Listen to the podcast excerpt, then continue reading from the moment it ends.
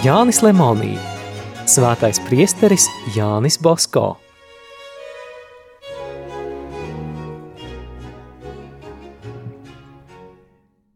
Trešās daļas septītā nodaļa – misijas ārzemēs, 1875. gads.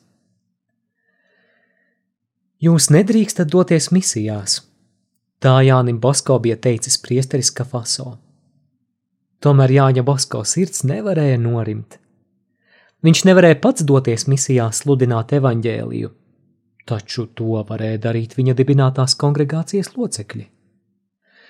Kad priesteris Bosko skatījās kartē, viņš redzēja tik plašus apgabalus pasaulē, kas grima pagānisma tumsā, ka putnas pārniem viņam gribējās doties uz turieni, kur vēl neviens misionārs nebija spēris kāju. Jau 1848. gadā Jēkabs Bellī dzirdēja priesteri Bosko sakām: Kaut man būtu vesels pulks priesteru un semināristu. Visus tos es aizsūtītu sludināt evaņģēliju uz Patagoniju un ugunszemi. Vai zini, kāpēc mīļais? Uzmini! Varbūt tādēļ, ka tur visvairāk trūkst misionāru, atteica Bellī. Tu uzminēji. Šīs tautas līdz šim bijušas pavisam aizmirstas. Šīs ilgas pieauga, bet saņemot salīdzjāņu kongregācijas apstiprinājumu, tās pārvērtās par noteiktu sirds tieksmi. 1874. gada beigās 40 Itālijas, Āzijas, Āfrikas un Amerikas vietās gaidīja salēzijāņus. Priestris Bosko arvien vēl klusēja un domāja. Tikai pēc kāda laika viņš pārliecinājās, ka Patagonijas un ugunszemes iedzīvotāji ir tieši tie, kurus viņš bija redzējis sapnī lūdzam viņa dēlu palīdzību. Sākumā Jānis Basko domāja, ka sapnī redzētie cilvēki ir Etiopijas iedzīvotāji. No turienes oratorijā ieradās misionārs priesteris Kolumbīnī. Jānis Basko viņu izjautāja par etiopiešu izskatu, ieražām un paradumiem. Izrādījās, ka tie nebija sapnī redzētie. Vēlāk viņš domāja, ka tie būs bijuši Hongkongas iedzīvotāji – bet aprunājies ar kādu no turienes atbraukušu misionāru, kas meklēja Turīnā palīdzību. Bosko pārliecinājās, ka dieva rādītie cilvēki tie nav. Vēl dedzīgāk Jānis Bosko meklēja. Viņš ieskatījās grāmatās, lasīja dažādas misionāru vēstules, bet vēl ar vienu neviens viņam nevarēja norādīt to tautu atklāt. Varbūt tā ir Indija, viņš domāja. Atkal viņš lasīja grāmatas, atkal iztaujāja no turienes atbraukušos misionārus, angļu priesterus, un bija jau gandrīz pārliecināts, ka sapnī redzētā tiešām ir Indijas ainava. Taču viņš atkal sāka šaubīties. Hmm, vai tik tā nav Austrālija?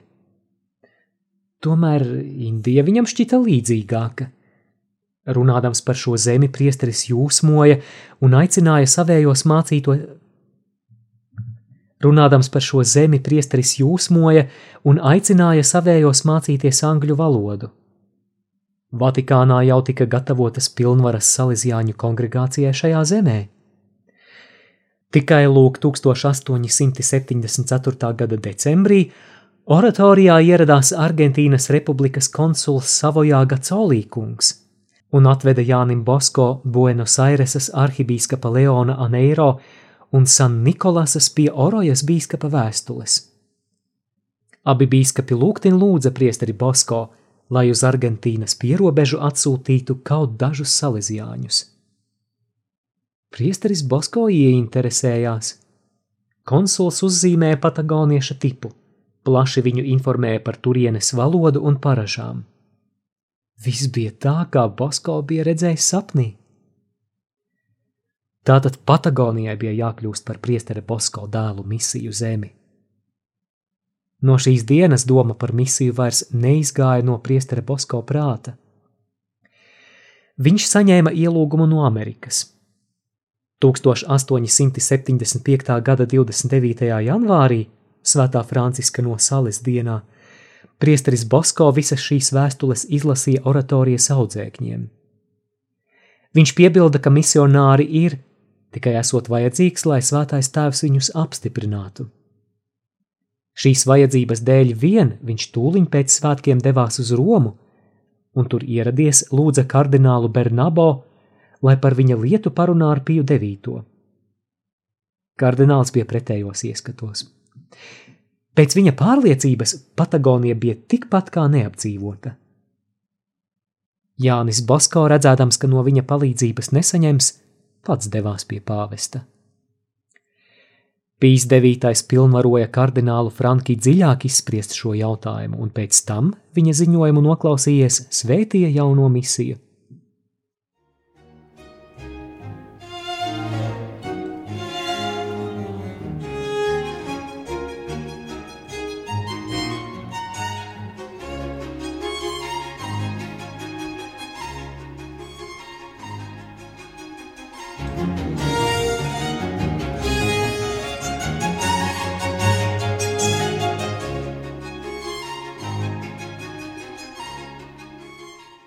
Šajā pat reizē priesteris Bosko Vatikānā nokārtoja arī citas darīšanas. Viņš iesniedza lūgumu, lai Salesiāņu kongregācijai piešķirtu dažas privilēģijas un semināristu svētību deleģēšanas tiesības. Bez tam viņš lūdza svēto tēvu svētīt citas divas organizācijas, kas tikko bija dibinātas – Salesiāņu līdzstrādnieku apvienību un Marijas Kristīgo palīdzības apvienību, kas palīdzēja pieaugušajiem – tiem, kas gribētu kļūt par priesteriem. Kā visām citām kongregācijām, arī salīdzjāņiem vajadzēja kādu kardinālu aizbildni. Kad Jānis Basko to lūdza piešķirt, Pīs 9. atteica: Cik aizbildņu jūs gribat, vai jums nepietiek tā, kā jums jau ir? Jūs taču mani vienmēr saucat par tēvu un aizstāvi. Par jūsu tēvu būšu arī turpmāk. Beidzot pienāca diena, kad priesterim Basko bija no Romas jāaizbrauc. Viņš palūdza vēl vienu audienci pie pāvesta. Svētais tēvs, ceļos nometies, teica Jānis Basko. Drīz es atgriezīšos Turīnā pie saviem zēniem. Gribētu viņiem aizvest svētā tēva svētību un padomu. Tāpat esmu pilnvarots pateikt kaut ko jūsu svētībai, bet Vispirms gribētu dzirdēt svētā tēva vārdus. Pīs devītais tēvišķi uzlika roku uz Jāņa Bosko pleca un teica: Labi, pasakīšu jums kādu vārdu, došu līdzi sveicienu salīdzjāņu zēniem, mudiniet visus būt uzticīgiem un paklausīgiem Kristus vietnieka dēliem. Izdzirdis šos vārdus, priesteris Bosko pasniedza pāvestam nelielu zīmīti. Tajā bija atzīmēts, kas jāpasaka svētajam tēvam. Pēdējais teikums bija tāds: apliecināt Jēzus Kristus vietniekam paklausību un uzticību. Izteiksmīga bija ne tikai jūtu, bet arī vārdu sakritība. Pāvests pasmaidīja un piebilda: Liekas, šo padomu jums devis pats augstākais, tādēļ, lai šie vārdi jums ir sevišķi dārgi.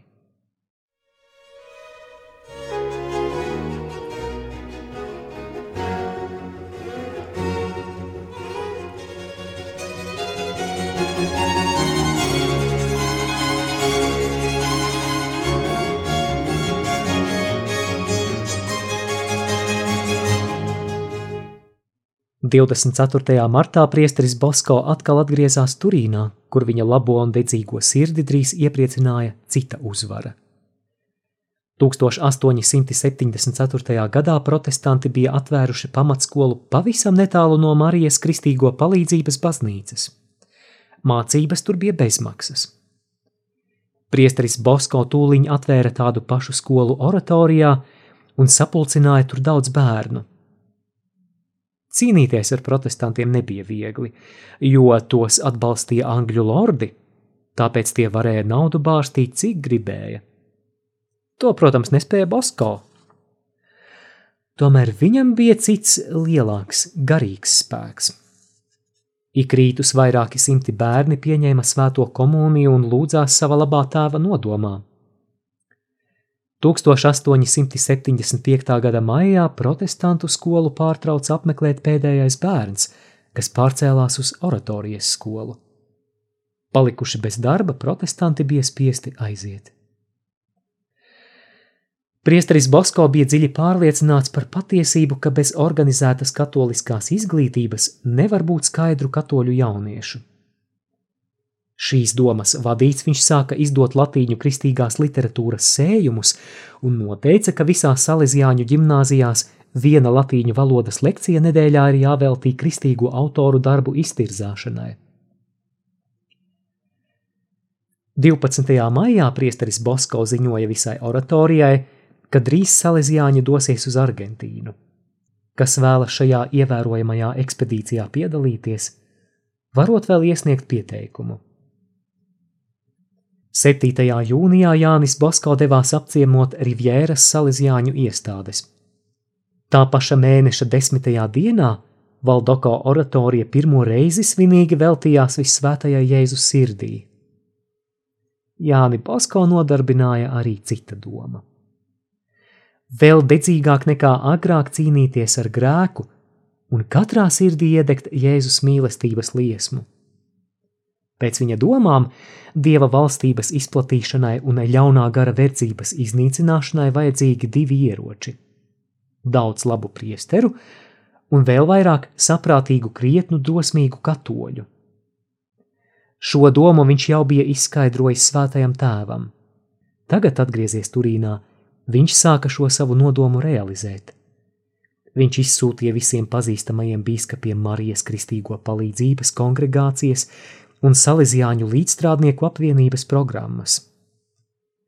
Par šo apvienību dibināšanu un darbības veidu runāsim vēlāk.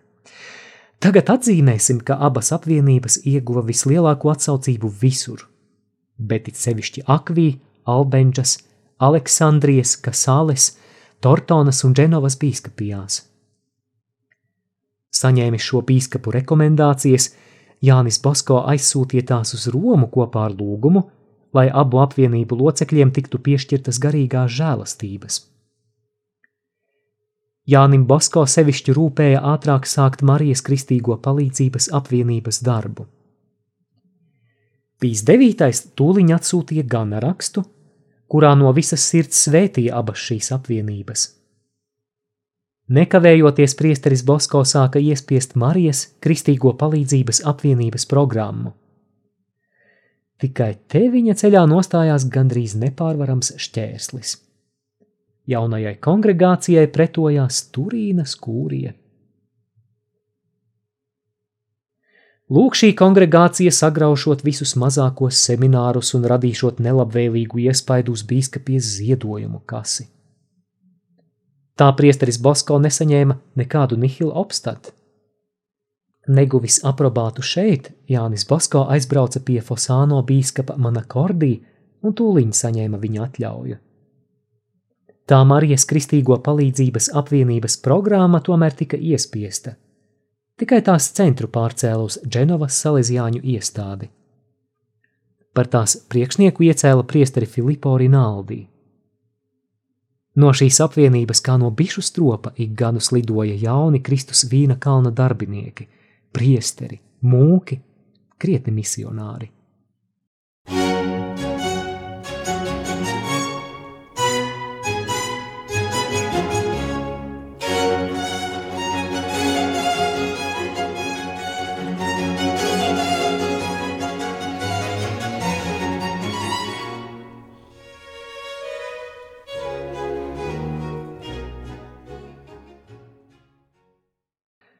No misionāriem pieminami priesteris Mikēle Unija, spitālīgu apustulis Agnus de Dios pilsētā Kolumbijā.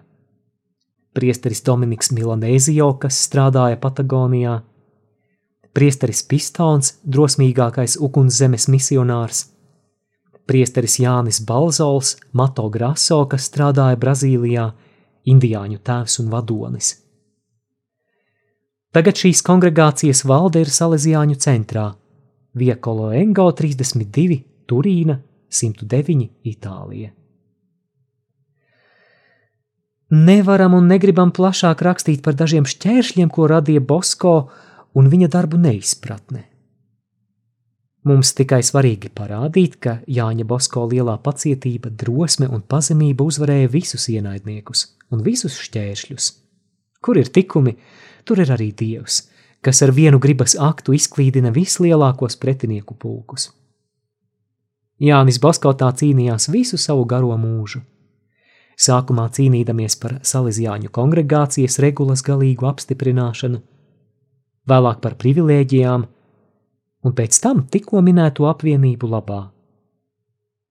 Priesteris Bosko pretestībai nepadevās, bet citādi nekādus izņēmumus sev neprasīja. Viņam tikai rūpēja izcīnīt salīdzjāņu kongregācijai tādus apstākļus, kādi ir visām citām kongregācijām un kas nepieciešami sekmīgam darbam. Tai pašā gadā Jānis Basko aizbrauca vēlreiz uz Romu lūgt Marijas kristīgo palīdzības, apvienības un salīdzjāņu līdzstrādnieku apvienības statūtu apstiprināšanu. Tāpat viņš gribēja saņemt salīdzjāņu kongregācijai dažas privilēģijas. Šoreiz viņš neatgriezās tukšām rokām. Salīdzjāņu iestādes, kurās bija kaut seši kongregācijas locekļi, vairs netika pakļautas bīskapiem. Kā vienmēr Jānis Basko aizbraucis uz Romu, saņēma arvien vairāk garīgu žēlastību. Tā piemēram, pēc kāda laika viņam tika piešķirtas tiesības nosacīt, kam piešķirs Salīzjāņu līdzstrādnieku apvienībai dotās atlaides. Tomēr, vērojot tik lielu svētā krēsla labvēlību, mums nebūtu jāsacina, ka visi šķēršļi jau bija pārvarēti. Kaut gan ļoti nepatīkami, tomēr Neizvairoties no patiesības, jāatzīmē, ka dažādi kavēkļi ik mirkli saistīja priestera Bosko rokas. Turīnas kūries sūdzības par Jāni Bosko un Salīzjāņu kongregāciju ceļoja uz Romu gandrīz ikdienas, un vienmēr no vienas un tās pašas personas. Jānim Bosko bija puse spēku jāizšķieš, lai aizstāvētos. Ja nu varētu pastāstīt un parādīt, kā priesteris Bosko izturējās, kad tika apvainots, ik viens izbrīnījies teiktu, šīs pacietības dēļ vien var sacīt, ka priesteris Bosko tiešām ir svēts.